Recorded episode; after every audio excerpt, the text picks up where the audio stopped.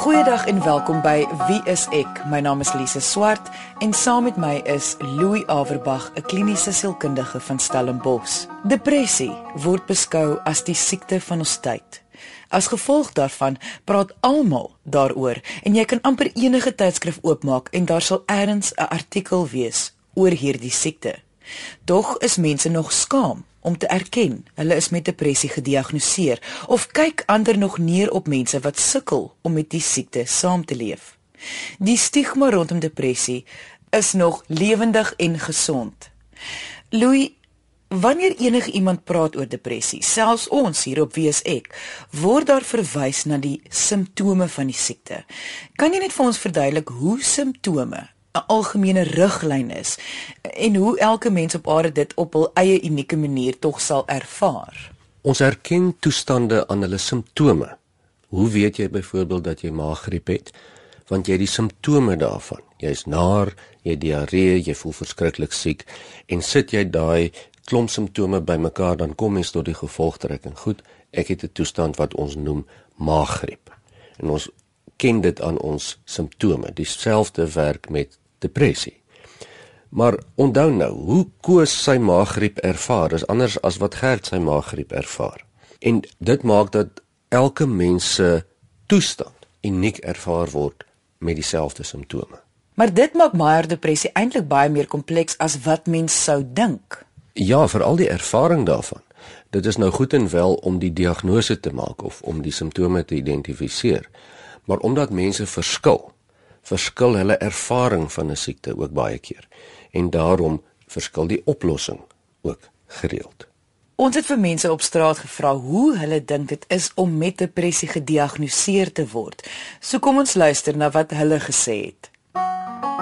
Depressie is 'n disease. Jy kan selfmoord pleeg of eet as jy depressie in depressie gaan, as daar klomp goed wat gepaard gaan, want die duiwel klim in jou kop in en as die duiwel in jou kop geklim het, dan sê die duiwel vir jou allerlei verkeerde goed wat jy moet doen of aanvang of of iets van daai soort. Hy's negatief die hele tyd, angstig, nie lus vir die lewe nie. Ek voel neerslagtig. En soms wil hy alleen in sy hoekie gaan sit. En soms sommige mense gaan soek dan seker 'n deskundige raad.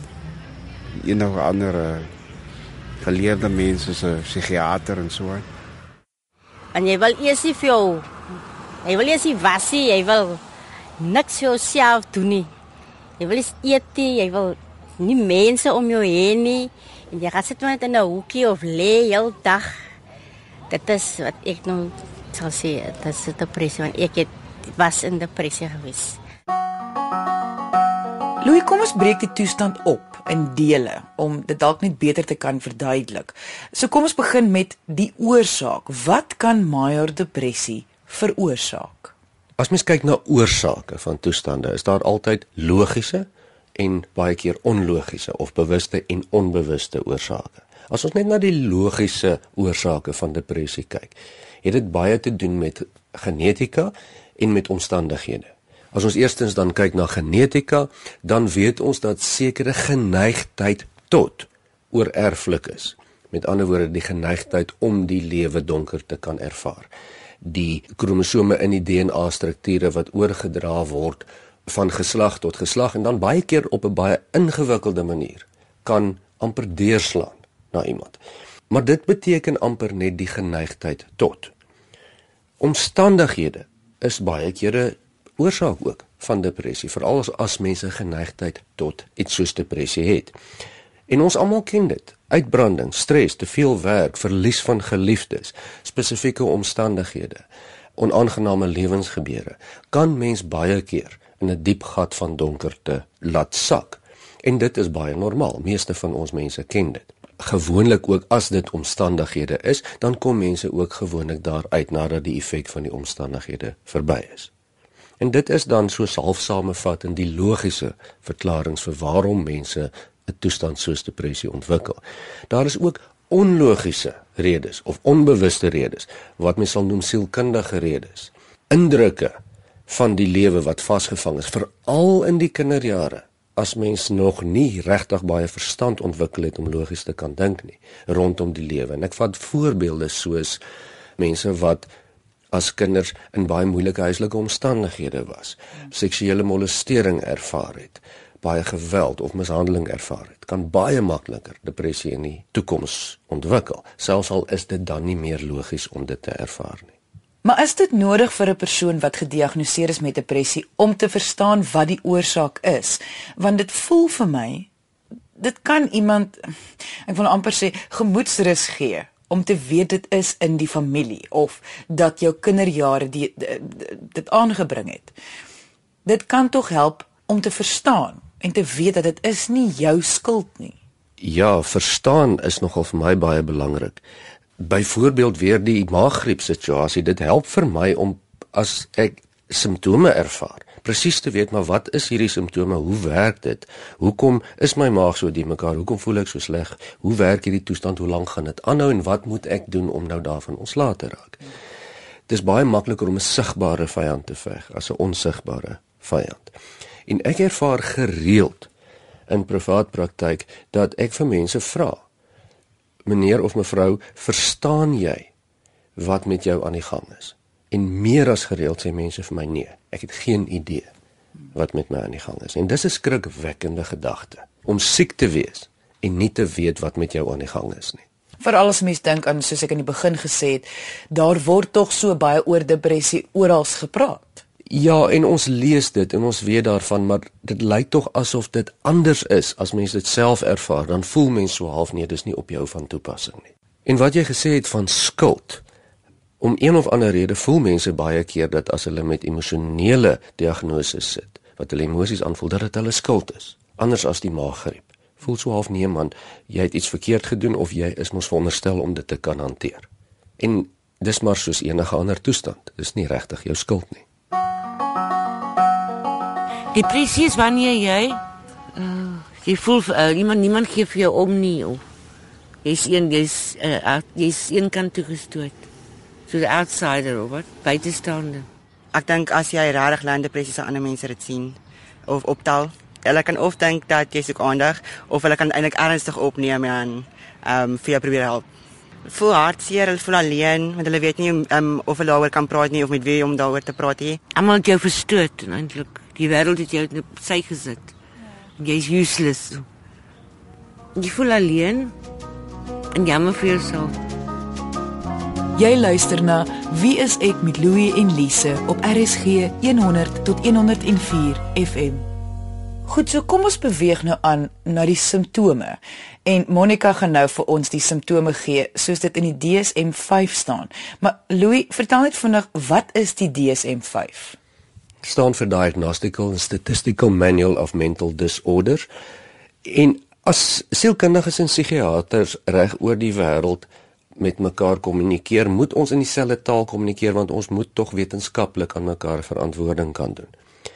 En reg oor die wêreld is dit nou maar hierdie navorsing wat uit die DSM-5 kom wat aanvaar word as die nuutste tendense en die navorsing. Met ander woorde, as ons by 2000 mense dieselfde simptome kan sien. Mense het mooi navorsing daaroor gedoen en ons kry nou nog 'n persoon wat hierdie simptome wys, dan kan mens redelik aanvaar dat jy sit met depressie.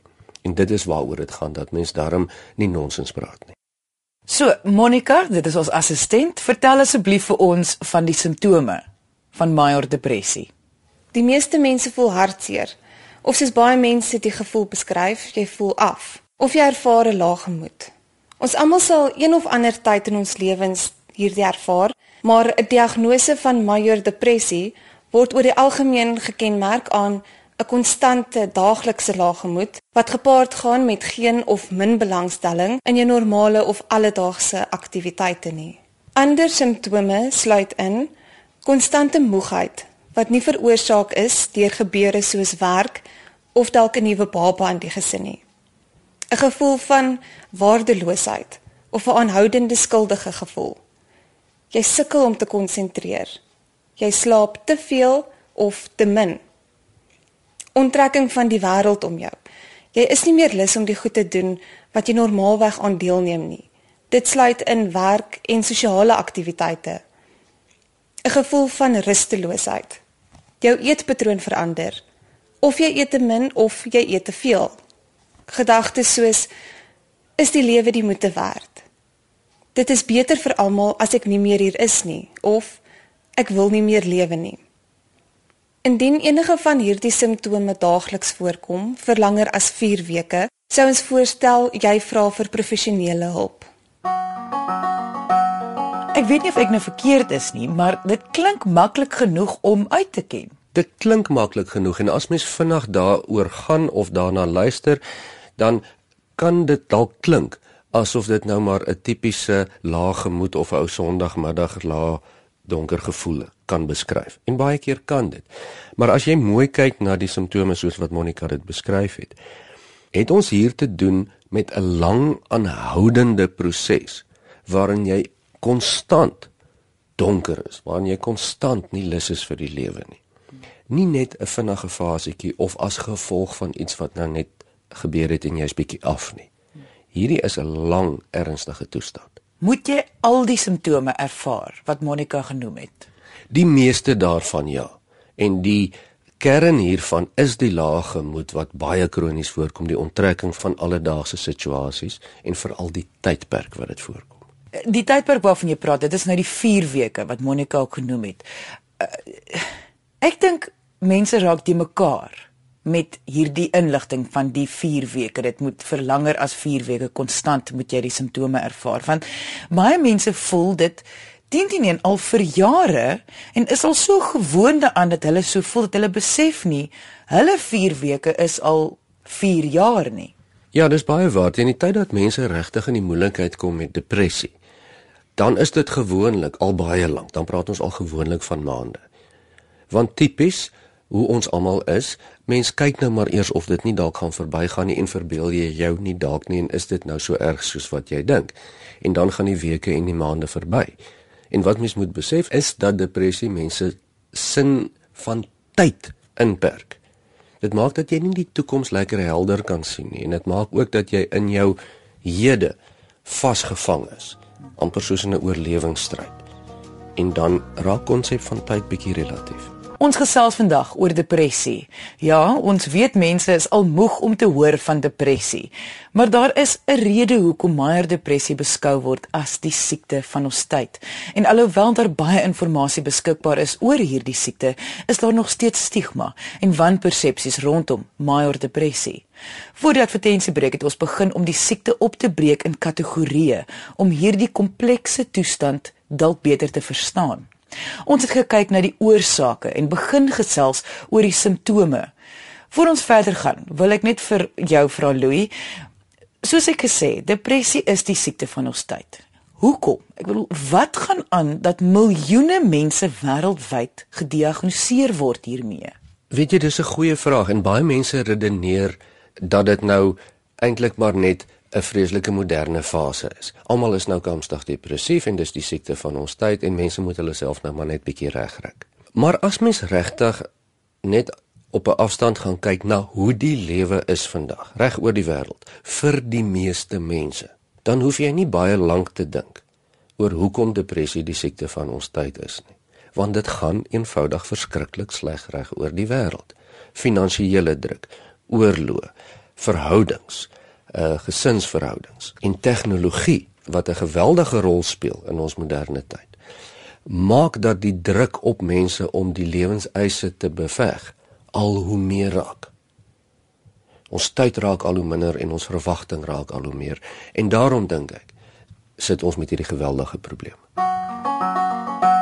Wel, ek dink dit met 'n geheim wees jy moet vir jou familie of so wie vertel dat hulle kan vir jou soort van support of wat ook al. Vir my vriende sal ek seker vertel, maar ja, ek sal net rondloop en vir mense sê ek het depressie nie. Depressie moet jy ook nie vergeet nie, dis 'n siekte.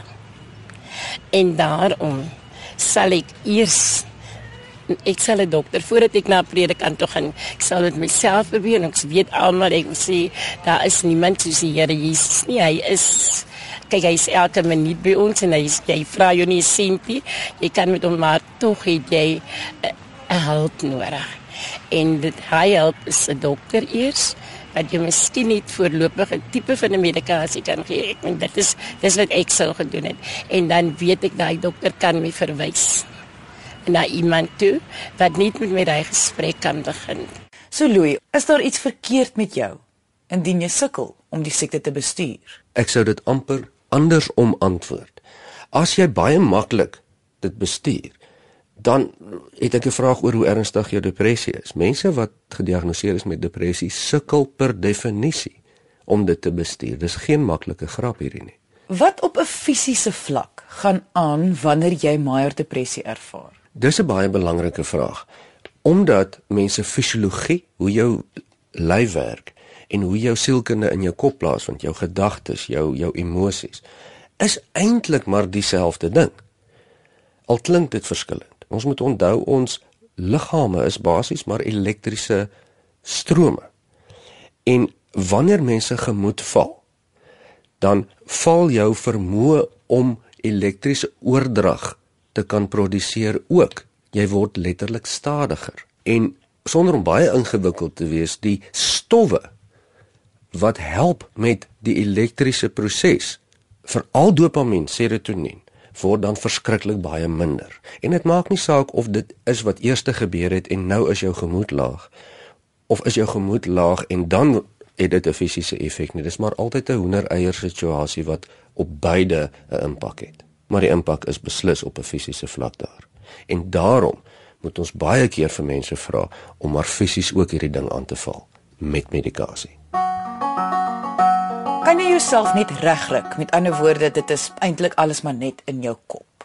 Onthou nou, as jy 'n diagnose het, jy voldoen aan simptome wat op navorsing gebaseer is, dan kan jy nie jouself regryk nie, want as jy kon sou jy al.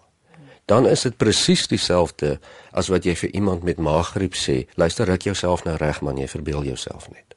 Maar die rede hoekom ek die vraag gevra het, is baie mense sal vir hulle lewensmaat sê of 'n vriend of vriendin of wie ook al dit, ag man, ruk jouself nou maar net reg. Nou sê hierso dat hulle sou as hulle kon. Die ander deel hiervan ook is dat mense voel dit is om aandag te soek. Dit is hoekom hulle hulle self nog nie reg geruk het nie. Dit is tipies 'n oordeel wat mense vel nog steeds in vandag se tyd as mens nie iets kan sien nie. Maar wat ek tog vir die luisteraars wil sê is mens kan depressie onder 'n mikroskoop sien. Jy kan dit met 'n breinskandering sien. Dit is nie net 'n siekte in die kop nie. Jy kan fisies sien waar die goed gebeur. En natuurlik reg oor die wêreld is daar mense wat baie keer aandag soek met simptome of dit nou depressie is en of dit 'n een of ander fisiese toestand is, maar dis nie waarvan ons vandag hier praat nie. Ons praat van mense wat regtig gediagnoseer is met 'n gemoedstoestand en daar's miljoene van hulle. Kan jy die siekte net los en hoop dit gaan van self weg? Oor die algemeen nee. Kyk partymal gebeur dit dat daar iets in ons lewens gebeur. Jy verloor 'n geliefde of jy het 'n groot finansiële verlies gely en nou is jy sommer af en jy's lekker laag vir 'n week of twee. Dan praat ons van 'n miskien van 'n depressiewe episode, iets wat vir ons sin maak en baie keer gaan dit van self weg soos die lewe aangaan. Maar meestal mense wat met 'n ernstige graad van depressie gediagnoseer is wat daarom nou al 'n paar maande of baie keer heelwat langer daarmee kom. Dit gaan nie van self weg nie nee, definitief nie. Jy moet dit maar aktief veg. Jy luister na Wie is ek met Louie en Lise op RSG 100 tot 104 FM. Goed, so jy kan dit nie verhelp nie. Jy het dit nie self veroorsaak nie. Jy hoef nie skaam te wees indien jy gediagnoseer is met major depressie nie. Jy kan dit nie net wegwens nie en jy kan ook nie jouself net regruk nie. Wat moet jy dan doen om hierdie siekte te bestuur? Waar ons vandag is met al die beskikbare kennis wat ons tans het, is die behandeling van depressie by verre weg die mees effektiefste met 'n kombinasie van psigoterapie en medikasie. Met ander woorde om die fisiese probleem aan te spreek sowel as die sielkundige probleem, die kombinasie daarvan werk die beste. Baie mense weier om medikasie te vat. Wat dan? Ek bedoel, is daar iets wat hulle dan andersins kan doen? Ek vra altyd vir mense of hulle 6 maande tot 'n jaar het wat hulle 'n lekker kan vakansie vat, geen druk hê nie, waar hulle baie ontspanningsoefeninge kan doen, lekker kan mediteer en net algemeen ontspan. Want dit is die ander ding wat jy kan doen. En feitelik almal sê altyd nee, want dit is nie hoe die lewe werk nie. En dis dan waar ons sê goed as tweede beste, dan moet jy maar kyk na medikasie, anders gaan jou pad baie baie lank langer en swaarder wees om te herstel van depressie.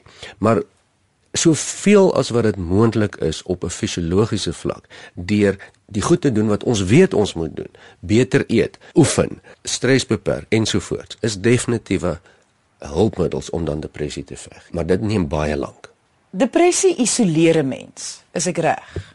Ja, dis 'n donker gat. Baie mense praat van die swart hond of die donkerte wat nie waarneembaar is nie. Dit sit jou in jou eie put van donkerte waaruit jy nie veel ver kan sien as net so ver as wat jou neus lank is nie. Mense wat swaar depressief is, kan nie die toekoms sien nie. En kan ook nie regtig met mense en situasies rondom hulle in interaksie gaan nie asof hulle al hoe meer wegtrek en al hoe meer alleen begin leef al is dit net in hulle koppe. So ek kan net aanneem dat dit juis een van die eerste simptome moet wees wat jy sal moet aanspreek. En met ander woorde, jy sal 'n ondersteuningssisteem so gou as moontlik moet kry of dit is baie belangrik. Dit is nogal essensieel. Die een ding van depressie, die gevoel van niks is die moeite werd nie, is dat dit jou geweldig alleen laat voel. Dis die eensaamste sielkundige toestand wat mens seker na kan kyk. En daarom help dit gewoonlik baie om al is dit gedwonge met 'n ondersteuningssisteem wat nou maar jou help en dwing en so 'n bietjie aanpor te werk. So as jy dan met hierdie siekte sit, gaan alles oor die bestuur en die veg van die simptome. En hoe meer hulp jy kan inkry hiervoor, hoe beter. Nou praat ons van ideaal as jy kan saamwerk met 'n psigiater en 'n sielkundige. Jou ondersteuningssisteem in die vorm van familie en vriende.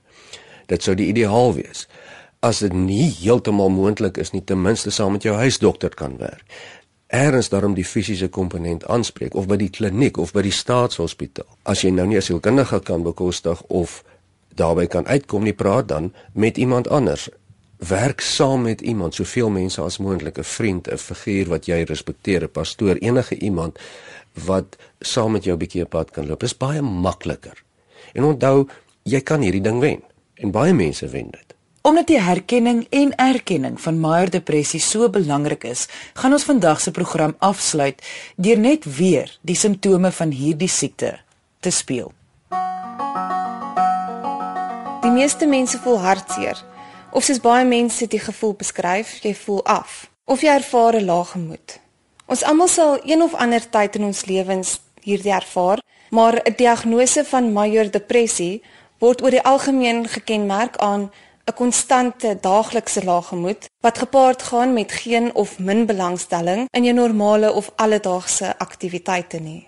Ander simptome sluit in konstante moegheid wat nie veroorsaak is deur gebeure soos werk of dalk 'n nuwe baba in die gesin nie.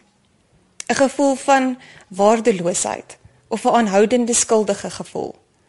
Jy sukkel om te konsentreer. Jy slaap te veel of te min onttrekking van die wêreld om jou. Jy is nie meer lus om die goed te doen wat jy normaalweg aan deelneem nie.